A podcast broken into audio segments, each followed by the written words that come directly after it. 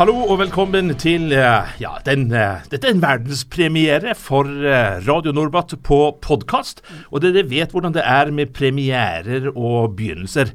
Da stiller fiffen opp, de røde løperne er rulla ut, og med oss i studio i dag ingen ringere enn forsvarsminister Frank Bakke-Jensen. Velkommen til studio.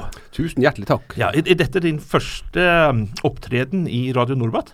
Det tror jeg nesten det. Jeg var, jeg var med på en Jeg tror jeg telefonintervjua i Radio Norbat på en av auksjonsdagene Ja. da jeg var der nede den gangen. Hva var det du bød på da? Nei, vet du, det husker jeg faktisk ikke. Jeg lurer på om vi, Jo, vi kjøpte oss en vei på Falkhøyden. Spurvstien eh, døpte vi den. Det var, det var, det var søkkende dyrt. Ve- Vei, veinavnet, altså? Veinavnet. Vi kjøpte Ja. veivannet. Spurvestien. Ja. Eh, Vi syntes det var eh, på sin plass til Falkhøyden. Og så perser dere litt der oppe. Så, Dra ned aggresjonsnivået en smule. ja, det var veldig hyggelig. Vi var, vi var oppe og satte ned skilt og greier. Ja. Frank Bakke-Jensen, vi skal snakke mer med deg i, i, i denne sendingen. Men først så skal altså Du er jo statsråd, og du er den øverste sivile sjefen for Forsvaret og det vi holdt på med. Så vi tenkte vi skulle invitere deg til å trekke i den snora der og åpne denne podkasten med et smell. Du vet du, Det gjør jeg altså veldig gjerne. Og, og som, eh, som tidligere medarbeider i Radio Scorpio nede i Libanon, her, ja. så, eh, så må jeg også få lov å, å, å si at det er, det er den mest tilfredshet jeg deltar i sendinga. Åpne, åpne eh, denne podkastserien som, som jeg syns er en veldig god idé. Ja, kommer du til å høre på? Ja, det kommer jeg til å gjøre. Kjempefint. Ja. Jeg avbrøt deg, jeg beklager. Ja. Nei, men uh, har du snora? Ja, den ligger der. Der. Det er bare å ta den. Dra forsiktig. Ja.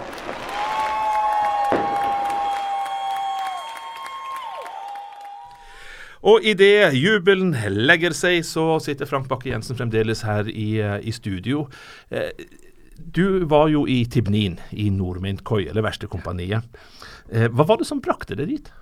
Du, det var to, eh, eller det var egentlig flere grunner. For det første så, så har jeg bestandig vært interessert i, i utenrikspolitikk, og, Ja. og syns eh, Midtøsten-konflikten der, som hadde vært i media mange, mange år, var spennende. For det andre så, eh, så var jeg arbeidsledig. Eh, vi innførte torskekvote i Norge. Det ble Ja. lite å gjøre om bord i fiskebåtene, og jeg drev som servicemann på skipselektronikk. Så jeg måtte finne meg noe annet å gjøre. For det tredje så hadde jeg noen kompiser som hadde vært nede i, i, eh, i Unifil, og det hørtes spennende ut, så jeg hadde Mm. rett og slett lyst til å bare prøve det. Ja, Det ble to kontingenter. Ja. Et år sammenhengende. Ja. Hva, hva, hva var de, eh, hva si, de beste opplevelsene du hadde som eh, Unifil-soldat? Ja, jeg, har, jeg har i ettertid, og jeg har brukt mye tid på å, å, å tenke på hvordan det her har forma meg. Jeg har kalt det året min dannelsesreise. Ja. Rett og slett for at jeg, jeg lærte veldig mye om meg sjøl. jeg lærte veldig mye om og, hvordan jeg kunne fungere sammen med, med andre mennesker. Viktigst, altså kameratskap. Uh, jeg lærte at det er spesielt å bære et uh, skarpladd gevær et helt år. Så Mm. En helt annen tilværelse som, uh, som ute. Jeg lærte at Forsvaret kan være en veldig positiv opplevelse. Det, det var ikke det jeg satt igjen med etter førstegangstjenesten. Men, men eh, det å samhandle i Forsvaret, det, det, det lærte jeg som, eh, som en mye, mye mer positiv opplevelse. Jeg tror jeg var en mye bedre tekniker da jeg kom, eh, kom hjem, men, Ja. men også en Jeg drev med instruksjon der nede. Jeg var Mm. en eh, bedre instruktør. og Jeg tror jeg var en Jeg var flinkere på samarbeid når jeg var, etter det året som det jeg var. Mm. Der reiste ned. Var det noen opplevelser eller erfaringer som du kunne ha vært foruten? Nei, det vet jeg ikke. Jeg har aldri eh, aldri tenkt sånn, men, men eh, altså Vi var der under Kuwait-krigen, annet. Og det, Mm. var, det var spent. Eh, det å bli, eh, bli stoppa av lokalbefolkninga, som der, der kjøpmann lurer på om man kan få lov å kjøpe den, eh, den ABC-drakten min, og Mm. bydde gan- en anselig mengde dollar for den. Altså. Ja. Det, det å, eh, det å, å oppleve fortvilelsen utafor gjerdet mens vi var ganske godt eh, utstyrt eh, innenfor, det, det satte, satte spor. Jeg, har sagt at jeg kommer fra et fylke som var, ble for en stor del brent under andre Ja. verdenskrig. Det var historien mine besteforeldre hadde med seg. Eh, og jeg skjønte nok bedre de erfaringene de gjorde under andre verdenskrig i Finnmark, Mm. eh, når jeg kom til Libanon og, så hvordan det kan være å, å, eh, å være i en så fortvilt situasjon, rett og slett. Du hadde også uttalt i et intervju at du lærte at vi hadde det veldig godt i Norge. Ja, en av, en av de, de eh, altså den dagen, Jeg tror det var den dagen vi skulle reise hjem, eller eh, på en av reisene til Norge. Så, så lå avisene igjen i setet etter dem som hadde kommet nedover. og da, Jeg tror det var første sida i Dagbladet, eller VG eller Aftenposten kanskje. Det var ei dame, sikkert ei helt OK dame, som eh, jobba på, som renholder på Youngstorget. Mhm. Og hun hadde, jeg tror det var 40 år mindre i timen, for at hun var organisert i feil fagforening. Ja. Og det ble for meg et ilandsproblem, rett og slett. Jeg husker jeg reagerte. Det har noe med perspektivene her. Ja, det gjorde det. sant? Vi kom ut fra et, eh, fra et land der, eh, der, eh, der folk hadde det ganske mye verre, der, der håpet var ganske mye mindre. Sånn at jeg, eh, jeg lærte nok å, å sette veldig pris på det vi, det vi At jeg er fra Norge og bor i Norge, men også at vi kanskje av og til skal tenke oss om at ikke, kanskje ikke alt er verdens viktigste problem. Nei. Vi, vi ser jo, vi som har vært, eh, vært ute, eh, at eh, Forsvaret har en helt annen drill på hvordan de forbereder soldatene før de reiser ut, hvordan de behandler de mens de er ute, og hvordan de debrifer de og holder eh, kontakt med familien eh, når de kommer hjem. Sånn var det ikke når du og jeg var der. Nei, det var, det var ikke det. det var, når vi kom hjem, da så, trodde jo folk vi hadde vært i Syden. Vi hadde nye solbriller og var var brune. brun. Eh, det var også sånn at, eh, at eh, vi hadde ikke noe altså vi, vi, vi, vi hadde den treninga vi hadde. Vi hadde ikke den seleksjonen vi har i dag. Det tror jeg hadde vært lurt. Vi hadde ikke den treninga da vi reiste ut. Og vi gjorde veldig lite. Når man kom tilbake, så signerte du bare på at kontrakten var over, og, så, eh, og så reiste du hjem. Eh, det har heldigvis, eh, heldigvis eh, endra seg. For det første så er, det, så er Forsvaret mer observant på sitt ansvar. For det andre så så samhandler de mer med, med resten av den sivile sektoren når man kommer hjem. Sånn at samfunnet og Norge som helhet ser ansvaret sitt annerledes. Og for det tredje så, og det tror jeg er en av de veldig viktige tingene, det at vi ser ikke bare soldaten, vi ser også dem rundt soldaten. Det er på mange måter en familie som, som sender ut en representant for å, for å gjøre en, en jobb for kongen og fedrelandet. Det er et perspektiv vi har, vi har lært oss de, de siste årene, og det er mye, mye klokere. men men det at man kanskje kunne vært mye bedre når det gjaldt ivaretakelsen av Unifil-soldatene, er, er det noen som gnager deg som forsvarsminister, og som Forsvaret bør ta det inn over seg som en dårlig samvittighet? Mm, Ja, nei, det trenger jeg ikke. sånn sett. Det, det, det gnager meg ikke. Det, det er noe jeg jobber mye med. enda med. Eh, i forhold til. Jeg jobba med det i Stortinget. for at da oppdaget jeg, Plutselig så satt jeg en dag, det var gjort et vedtak om at vi skulle sende ut representanter. Så tenker jeg ok, nå sitter jeg her og sende ut en ung Frank Bakke-Jensen på noe som er Og ikke bare til en fredsbevarende Nei, operasjon, men en nei til andre, i- til andre operasjoner. Sånn at jeg, jeg tok kontakt med NVI, og den dag, dagen etter var jeg nede og besøkte dem og fikk innføring i hva man gjorde. Jeg har fulgte veteranstrategien og veteransaken og jobba en del med det i, i Stortinget. Jeg jobber ennå med det. Vi har, vi har gjort veldig mye bra.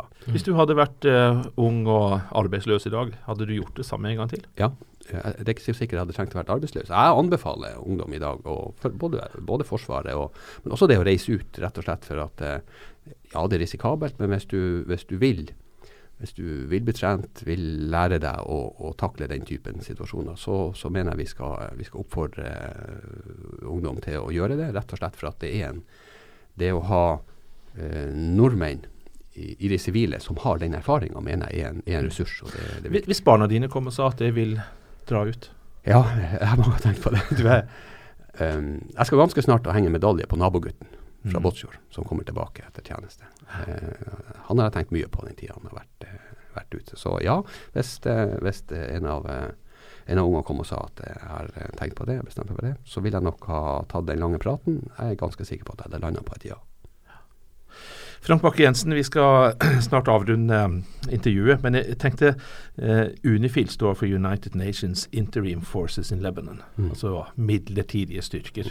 Og nå feirer vi et 40-årsjubileum Jaha. i år, og det er ikke over ennå. Det pågår fremdeles, og vil sannsynligvis gjøre det i lang tid. Begynner det å bli et komisk skjær over dette her med midlertidige styrker? Ja, det kan du alltids eh, si, men eh, jeg tror ikke det viktigste vi gjør er å døpe det om. Jeg tror det viktigste vi gjør er å være til stede. Det som er litt av bildet, sikkerhetsbildet i dag med, med den typen krise, det er at før kunne vi på et vis diskutere Israel-Palestina-problemet som én sak, borgerkrigen i, Lib i Libanon som én sak, eh, Iran, eh, borgerkrigen i Syria som én sak.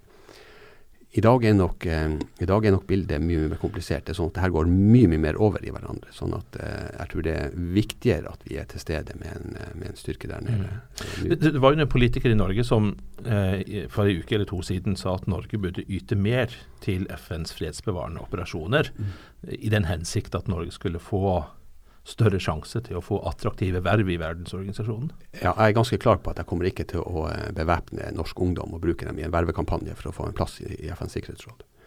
Men jeg er helt enig i at vi skal følge, vi skal ha tett kontakt på, på FN og, og, følge hvis det er operasjoner vi mener er relevant for oss og vi kan bidra relevant, så skal vi kunne, kunne tilby det. Nå er vi ute i mange operasjoner, og vi er ute i litt andre operasjoner enn, F, enn fredsbevarende.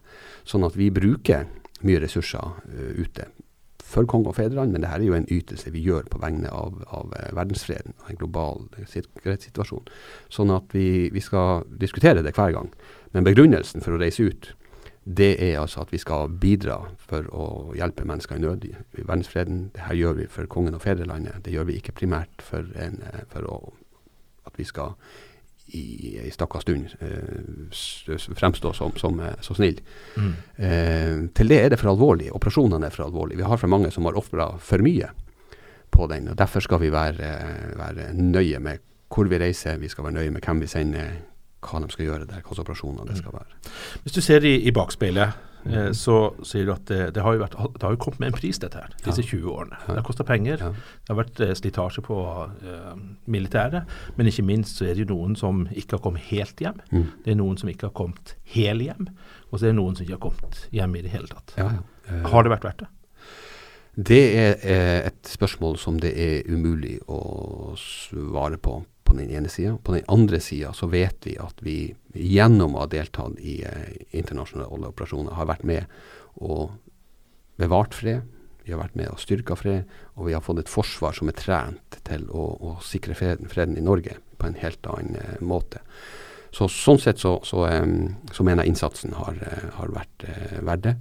Og så har vi nok på, på, så er det nok sånn at på, på enkelte felt så skal vi være flinkere og sette pris på den innsatsen som er, som er gjort, for å vise at eh, dem som har eh, dem som har eh, ytt og, og, og, ytt alt, de skal, de, de skal, huskes både for det de har gjort, og deres, de, deres rundt dem skal også takkes for det de har, har uh, ofra.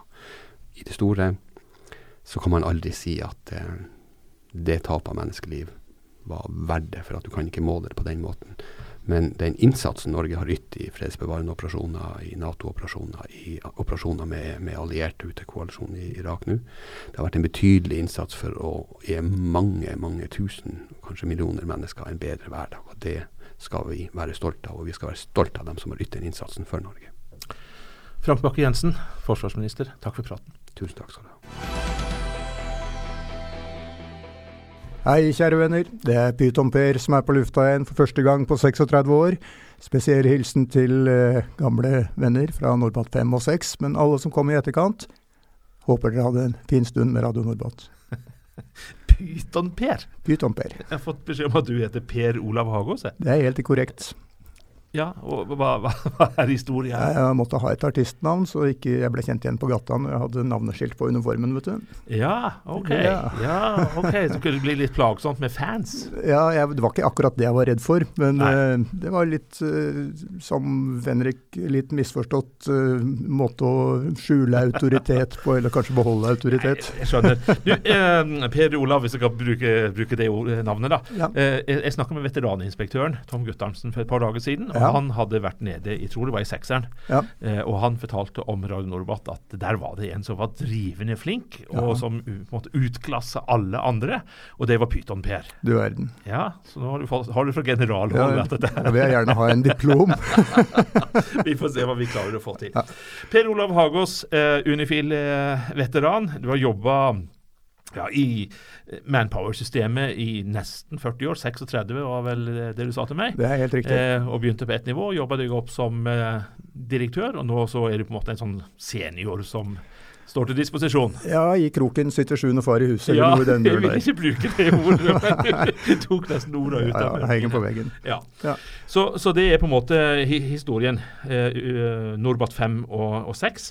Og, og du var ikke den aller, aller første, men du var en av de første som, eh, som begynte å jobbe eh, metodisk med Radio Norbat. Ja, takket være velferdsoffiseren som het Kaus Halvard Kausland. Så eh, han hadde jo kontakter i NRK, og når vi sa at vi ville starte radiostasjon og jeg hadde diskoerfaring, så var det ikke langt fra at han ringte, til, han ringte til NRK. Og Televerket, eller Telenor da, som det heter nå, De stilte velvillig opp og forsynte oss med to FM-sendere som jeg var i Norge og henta. Ja. Og smugla på en Hercules til Beirut. Eh, Var, var dette tjenestereise eller permisjon? Eller? Eh, jeg tror det ble kalt tjenestereise. Ja vel. Med en tur gjennom, eh, gjennom mor på Holte, kanskje? Ja, det er helt korrekt. Og Ja. hun ble overraska når jeg sto i døra. Ja, det vil jeg tro. Det vil jeg tro. Var det med Hercules via Kypros, dette her? Eh, vet du hva, jeg tror vi fløy Hercules ned, men jeg er usikker på opp. Jeg Ja. hadde jo en runde med Hercules uh, via Kypros, der hvor stabilisatorstaget på flyet røyk Ja. mellom Beirut og, og Kypros. Og det er jo ikke helt bra, så vi fikk et par netter ekstra på Kypros. Oi, oi, oi. Og det var jo også ganske spennende. Ja, Så det, men det er en sånn digresjons... Uh, det, det vil jeg tro. Men du dro altså hjem, henta sender, eh, grammofonplater kanskje, som det het på den tida? Nei, vi reiste til Israel og kjøpte resten. Det var bare senderne som det var plunder okay. og heft med å få tak i der nede. Mm. Så, men de var jo store og tunge, da. Du har vel sett dem du òg? Ja, ja, jeg har, jeg har brukt dem. De, de sto vel der til siste dagen, tror jeg, de senderne. Ja, har du løfta på en? Nei, det har jeg ikke gjort. Nei, det burde du gjort. Ja, det kan hende. Men eh, du klarte ikke- Disco George han leverte ikke dette her, han altså? Nei. Vi kjøpte mye kassetter der, da. Ja. Og varebilene. Ja. Ja. Du, eh, når dere startet dette der, var, var det på en måte noe dere ramla opp i, at ting, altså båten ble til mens man rodde, eller noe sånt, eller eh, hadde dere noen plan med det? Eh, ja, planen var jo å skape et velferdstiltak. Ja. Og det var jo bakgrunnen for at eh, han, eh, Halvard Kausland også stilte opp med midler. For det var jo han som finansierte hele greia i starten. Eller Mm. velferden, da, som gjorde det. Husker du hva vi snakker om i kroner og øre? Nei, vet du hva, det så jeg heller aldri. Nei. Men det ble jo såpass at eh, den ene velferdsassistenten som han eh, hadde, fikk eh, radiojobb på full tid, nesten. Ja, Han Taksdal, Gaute, nettopp. gjorde en fabelaktig jobb. Ja, det er bra. Eh, men hvis man skulle si Radio Norbat her, altså tilbake i Norbat 5 og 6. eh, Hvor mye sendte dere, og hva sendte dere? Ja, vi begynte med å sende i siestaen hver dag, Mm. eh, og noen timer på ettermiddag. Etter hvert så fikk vi også tak i en kortbølgemottaker. En rimelig fin eh, radio som klarte å ta imot kortbølgesendinger fra Norge av og til. Mm. som vi tok opp, eller av og til også når kvaliteten var god nok, sendte direkte. Så da var det nyheter fra Norge. Ja. Ellers så var det mye musikk og snakking innimellom, og enda mer musikk. Så det, dere det rappa altså nyheter fra NRK? Ja, vi rappa dem vel kanskje ikke, vi bare videresendte dem til nordmenn. Og til major Haddad, selvfølgelig. Han tok jo opp sendingene våre og sendte Ja. dem på mellombølgenettet sitt. Ja, det har jeg hørt. Ja. Og dette er du sikker på? Dette er jeg helt sikker på, for det, min gamle far han eh, likte av og til å skru på radioen. Og, på, og da hørte han plutselig sønnen sin på mellombølgen, og det lurte han på hva i all verden er dette her. Men det var Ja. altså Voice of Hope, major Haddad sin stasjon, som lå rett ved siden av der hvor vi Ja, holdt til. så- Som sendte eh, på mellombølgen til Ja, hele han tok opp eh, Radio Nordbass-sendinger og sendte dem direkte på Så mellombølgen. du hadde en internasjonal radiokarriere Ja, bak altså. ja, ja, ja, jeg ble hørt over hele verden. ja, det var jo bare en drøm. Eh, hva slags type respons fikk dere fra de som, som hørte på? Jeg antar at det først og fremst var Norbat-personell som hørte på? Eh, ja, det var vel en del lokale libanesere som hørte på det også, spesielt ungdommen. Men eh, ellers så var det jo et veldig, veldig sterkt velferdstiltak som jeg, jeg anbefaler veldig sterkt at Forsvaret tar med seg når de skal ut i, i felt internasjonalt internasjonalt kom det overraskende på deg at det var det? Eh, ja, egentlig så gjorde det det. det. At det ble såpass populært, det overraska meg veldig. Men klart, norsk musikk. De kunne ønske seg plater, favorittplater. Noen ble jo du lei av, regner jeg med. Mm. Eh, jeg ble også lei av noen. Ja. så eh, Men, men det jeg tenker på at radio, eh, altså for de som hva skal jeg si, eh, har, eh, har levd mesteparten av livet sitt i 2000 et eller annet, Ja. så, så høres det kanskje rart ut at vi sitter og prater om dette her. Men realiteten var at vi hadde jo ikke mobiltelefoner, vi hadde ikke internett, vi hadde ikke ja, telefonlinjer. Det var ikke mulig å ringe hjem til Norge. Altså Vi var relativt isolert. Og også det å kommunisere og få informasjon ut ifra den ene avdelingen til den andre, fra den ene landsbyen til den andre, ene stillingen til den andre, var jo nesten umulig. Det var jo Ja. bare én måte å gjøre det på. Ja, du hadde jo felttelefon, da. Og det, det merka jo vi som satt i Radio Norbat, for vi prøvde oss på sånne innringningsprogrammer av og til. Ja. Og det fungerte dårlig, for da røyk jo hele kriseberedskapen i bataljonen Ja, det fungerte ikke dårlig, det fungerte bra, heter det på radiospråket. Det er Nei, en kjempesuksess. Jeg er litt usikker på om eh, S1 var glad i det der. Ja, ja. Du, du sitter her med en liste på 100 pluss låter som du husker fra den tida du var der nede. Ja, flesteparten er lei av. Ja, la oss, la oss snakke om de du liker, da. Hvilke har overlevd å bli uh, skamspilt på, på Radio Norbat? da? Ja, i, altså Hvis vi går til de norske, så er vi jo veldig geografisk ute her. Ja. Da er vi i Trøndelag og med Åge Aleksandersen og, og gutta. Ja. Og er vi nordover, så har vi jo Randi Hansen og flere med, som uh, var veldig ja. populære. Sola mi. Ja, Sola mi. Ja. Sola di. eller Ja, fikk være sola di. Nettopp. Tar du litt til, eller? Nei, da må vi betale toneavgift, så det kan jeg ikke gjøre. Vi må holde det dette. Jeg er litt usikker på om du kjenner den igjen. Nå, nå. Nå begynner dette intervjuet å bli et jævla kort intervju. Pardon my French. Ja. Nei da. Så det var, eh, nei, det var veldig bra. Vi kjøpte jo massevis av kassetter, og jeg hadde med litt fra samlingene mine hjemme. For jeg begynte jo å kjøre disko i Oslo som før, før jeg fylte 17. Mhm. Eh, Så den erfaringen den hadde jeg med meg. Det Mm. var også noen relativt festlige erfaringer. ja. Men, men, men du, du, hadde, på en måte, du hadde på en måte hva skal jeg si, biten i blodet, og du visste hva som slo an, og hva folk likte å høre, og hva som på en måte var populært blant folk. Ja ja. Danse likte jeg òg. Ja. Klar, klarte dere å henge med på musikkutviklingen hjemme i Norge og ellers i verden mens du var der nede? Eh, vi prøvde. Det var ikke veldig mye si, tipp topp moderne å få kjøpt fra varebilene til eh, libaneserne, men vi var jo hjemme en del av oss av og til og tok med oss eh, noe med. Mm. Det, her var jo også velferden inne og sponsa innkjøp av musikk, selvfølgelig. Ja. Det, det sies at Radio Norbat var så populært eh, blant eh, Unifil-personell at man tok opp Radio Norbat på kassett og sendte hjem. ja, noen gjorde det. du, var du konkurrent av NRK før det var lov å konkurrere med NRK? Ja, på kassettbånd. Ja ja, allikevel. Det er en detalj. Altså Haddad som sendte det videre mellom bølgen, Ja. og så en haug med kassetter som gikk med feltposten hjem. Ja, må huske på at vi var jo ute tre år før IBM lanserte den første PC-en. Ja. Så det fantes jo ikke mobiltelefoner engang. Altså, det gjorde jo det, men det var sånn som du måtte ringe til en sentral og bli satt over til en annen. ja. Så vi Ja, er altså i steinalderen. Ja, altså må vi si til våre unge lyttere at kassetter det var altså et sånt lagringsmedium som vi brukte og putta inn i reiseradio Ja, og sånn, for å spille musikk eller ta opp Ja, uh, lyd. Ser ut som sånne dager. små plastikkesker med limbånd inni. Vi snakker ur-iPod her, ikke sant? Ur-mobiltelefon. og Ja da. Så, så sånn er det. Men, men eh, dere fikk også eh, via posten, da. Ja. postkortbrev. Ja.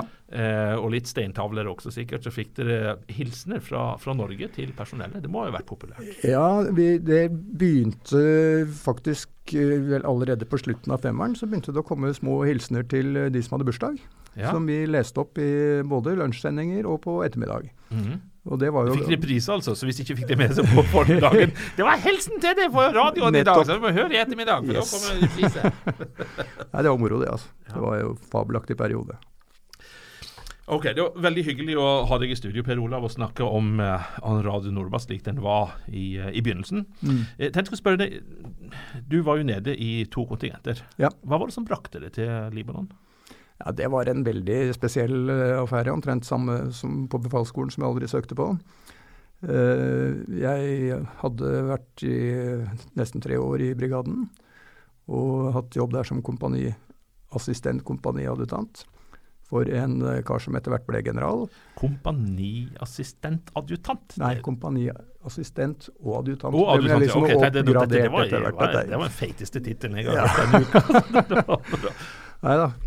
Så øh, det som ligger bak historien med Midtøsten, det var at jeg fikk øh, jobb som admoff øh, i Gardens rekruttkompani på Sessvollmoen. Hos den tidligere kompanisjefen min fra Nord-Norge. Og når jeg kom dit, så viste det seg at det ble litt støy blant de eldre offiserene som bodde på befalsmessa. Og de gikk til oberst Stein, som den gang var plasskommandant på Sessvoll, og klaget sin nød. Og jeg ble invitert inn til Nei, unnskyld, innkalt til eh, møte med Stein, og han satt bak skrivebordet sitt og sa "Du, jeg har et problem. Eh, hva skal til for at du slipper denne Admoff-jobben i, i kompaniet løs, sånn at jeg kan få satt inn en eldre mann der? Så sa jeg få meg til Libanon så fort som mulig. Og det tok eh, omtrent en uke, så var jeg et helt annet sted og var på vei til Midtøsten etter noen eh, ikke veldig mange dager. Ja. Med en radiospire i, i magen. Ja, med en radiospire i magen. Har du angra noen gang? Nei.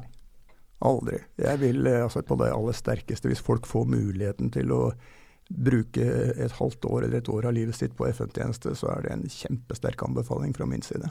Også Det hvis det hadde vært dine egne barn? Ja. Det er lærerikt, og det er nyttig. Men blir litt voksen på ganske kort tid. Pyton-Per, Per Olav Hagås, sjokran. Takk, takk. Neste uke på Radio Norbat podkast. Hør veteraninspektør og Unifil-veteran Tom Guttormsen, og møt flere spennende gjester. Og så blir det mye mimring, da.